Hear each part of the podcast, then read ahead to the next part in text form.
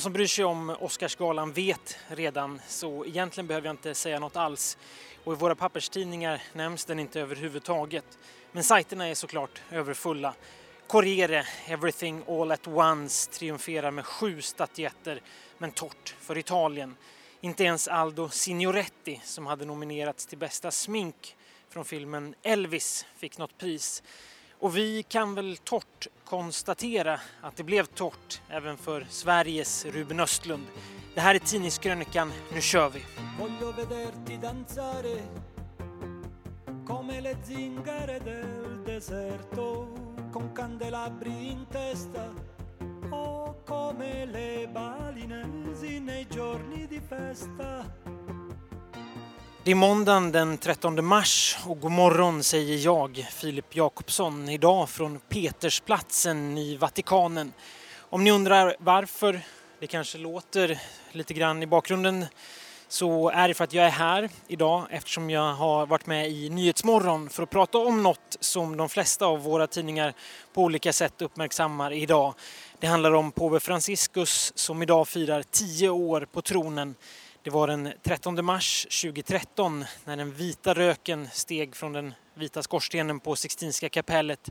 Efter den femte omröstningen så utsågs José Mario Bergoglio från Argentina till ny påve. Och han valde då namnet Francesco efter helgonet Francesco d'Assisi. Och namnvalet skulle komma att säga mycket om påven Francesco d'Assisi och förknippas med ödmjukhet, en asketisk livsstil och omsorg om de fattiga, något som ju påven ville skulle gälla även för honom.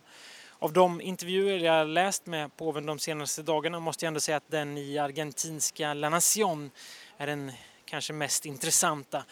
Den spänner över kriget i Ukraina. Han vill åka till Kiev för att träffa Zelensky, men bara om han också åker till Moskva och får träffa Putin, som han för övrigt kallar en väldigt bildad man. Han pratar om Argentina som han inte återvänt till sedan han valdes till påve. Vi argentinare kommer inte direkt att få Nobelpriset för enkelhet.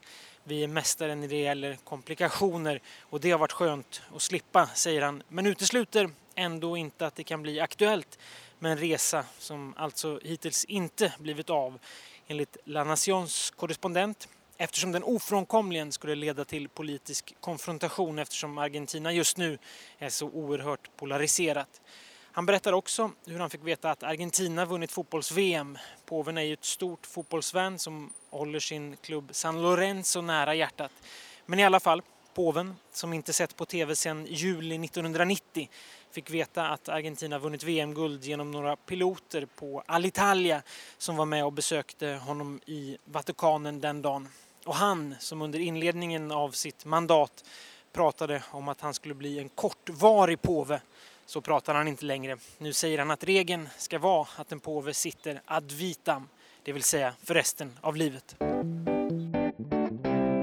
Tyvärr måste vi konstatera att ytterligare en migrantbåt gått under på Medelhavet omkring 200 kilometer norr om Libyen. Olyckan inträffade igår morse, alltså söndag 30 personer misstänks ha omkommit. Det här två veckor efter olyckan utanför Kalabriens kust där dödssiffran just nu skrivs till 76. Enligt Alarm Phone som hjälper migranter på Medelhavet ska italienska myndigheter medvetet ha försenat livräddningen av människorna ombord på den lilla båten. Och italienska myndigheter får nu hård kritik från flera hjälporganisationer. Den italienska kustbevakningen å sin sida säger att ansvaret ligger på maltesiska och libyska myndigheter som inte mobiliserat överhuvudtaget.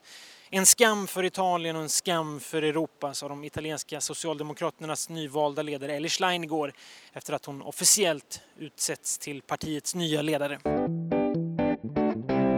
I fredags firade Matteo Salvini sitt 50-årskalas. Bland gästerna på överraskningskalaset som hans 30-åriga flickvän Francesca Verdini hade planerat fanns de närmaste vännerna men också såklart regeringskollegorna Silvio Berlusconi och Giorgia Meloni.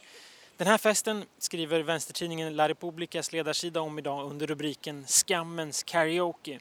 Om en grupp med manusförfattare skulle ha satt sig ner för att komma på ett antal scener med enda målsättningen att förtala Meloni och hennes kollegor så skulle de ha haft svårt att överträffa verkligheten, skriver tidningen. Vi tar bakgrunden. 76 bekräftade döda hittills, alltså varav många barn i migrantolyckan för två veckor sedan, bara några hundra meter utanför Kalabriens kust. En tragedi som kunnat undvikas, skriver La Repubblica. En regering som nekar till allt ansvar. Dagen efter olyckan säger den ansvariga ministern att ansvaret ligger hos den som dör. Om du flyr från ditt land på en båt så är ansvaret ditt. Ingen från regeringen besöker idrottshallen där kisterna med dödsoffren radas upp. Det får president Sergio Mattarella göra.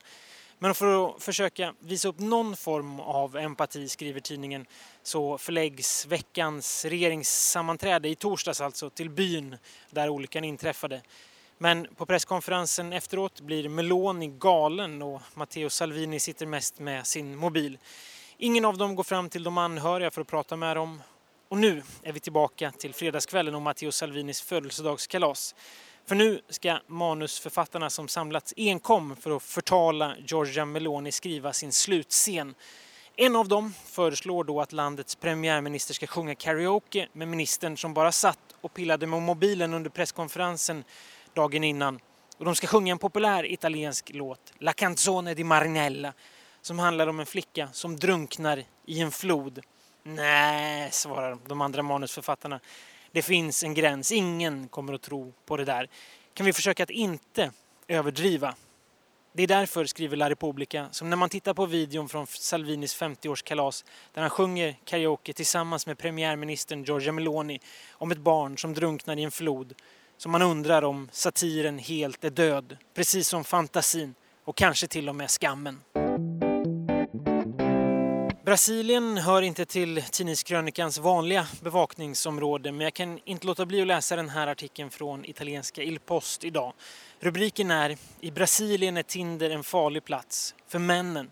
Det här eftersom de är mindre vana vid att misstänka främlingar online. Men sen kidnappas de tills de betalar en lösensumma. Ett exempel enligt brasiliansk polis så användes falska Tinderprofiler vid 90 procent av alla kidnappningar i staden Sao Paulo under 2022. Och förutom kidnappningar så används appen i Brasilien även till att locka till sig offer för rån och bedrägerier. I majoriteten av fallen är offren män i åldrarna 30 till 65 år som blir approcherade av profiler som föreställer unga vackra kvinnor på Tinder.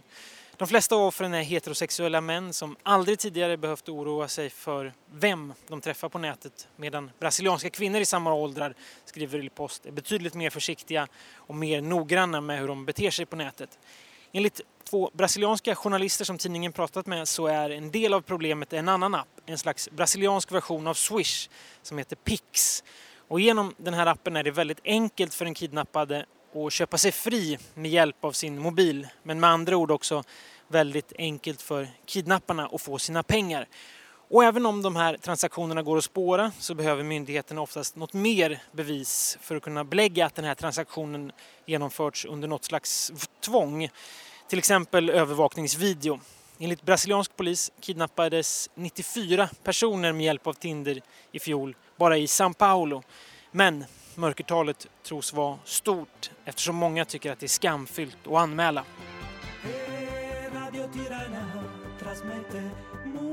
musiche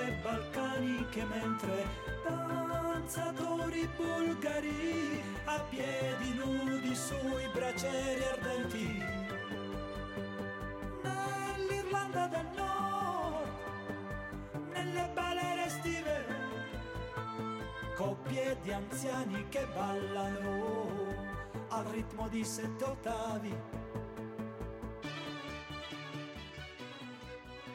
Det var allt från Tidningskrönikan idag. Jag är tillbaka imorgon igen. Nu önskar jag en riktigt trevlig dag.